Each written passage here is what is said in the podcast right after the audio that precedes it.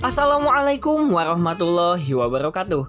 Halo semuanya, apa kabar? Perkenalkan, saya Dery Dwi Darmawan, mahasiswa S1 jurusan Pendidikan Kewarganegaraan Fakultas Pendidikan Ilmu Pengetahuan Sosial Universitas Pendidikan Indonesia.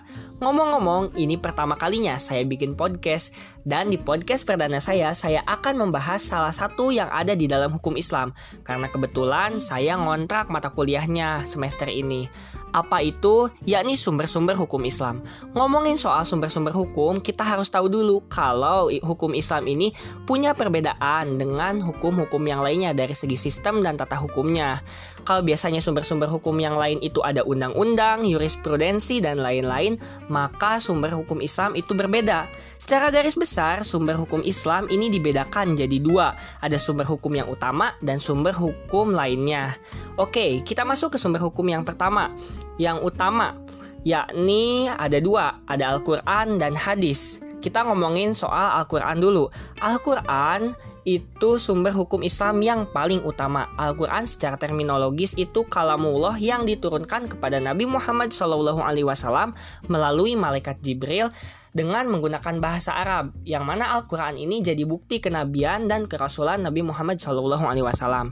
Disampaikannya secara mutawatir dan membacanya itu bernilai ibadah. Terus isinya ada apa aja? Al-Qur'an ini isinya luar biasa sekali terdapat prinsip-prinsip syariah, akidah dan akhlak, janji dan ancaman, sejarah nabi-nabi dan umat terdahulu, berita tentang zaman yang akan datang, dan prinsip-prinsip ilmu pengetahuan. Dalam Al-Quran ada 200 ayat soal aspek legal hukum, di antaranya ada keluarga dan waris, eh, kewajiban dan kontrak, hukum pidana dan hukum acara. Sumber hukum Islam utama yang kedua itu ada hadis yakni segala sesuatu yang berasal dari Nabi Muhammad SAW, baik berupa perkataan, perbuatan, atau penetapan beliau. Hadis baru dituliskan pada masa kekhalifahan Umar bin Abdul Aziz radhiyallahu anhu. Hadis ini dibagi lagi jadi tiga jenis. Ada hadis perkataan atau kauli, ada perbuatan atau hadis fi'ili, dan hadis takri atau pembicaraan keakuratan hadis didasarkan pada penelaahan dengan metode ilmiah khas Islam yang disebut ilmu hadis. Tujuannya apa? Tujuannya untuk mengetahui mana hadis yang benar-benar berasal dari Nabi Shallallahu Alaihi Wasallam dan mana yang bukan. Fungsi hadis sendiri itu ada e, sebagai sumber hukum Islam yang kedua, sebagai bayan atau penjelas, yakni merinci, memutuskan dan membatasi, lalu ada menetapkan hukum ba baru. Kita beralih ke sumber hukum Islam lainnya, yakni ada ijtihad. Ijtihad bisa dikatakan sebagai upaya maksimal seseorang mujtahid dalam menemukan hukum syara yang berkaitan dengan perbuatan manusia dari sumbernya yakni Al-Quran dan Sunnah. Adapun dasar penggunaan ijtihad itu yakni surat An-Nisa ayat 59 hadis tentang diutusnya Muaz menjadi hakim di Yaman dan logika bahwa nas-nas Al-Quran dan Sunnah terbatas sedangkan peristiwa manusia tidak terbatas karena manusia dinamis.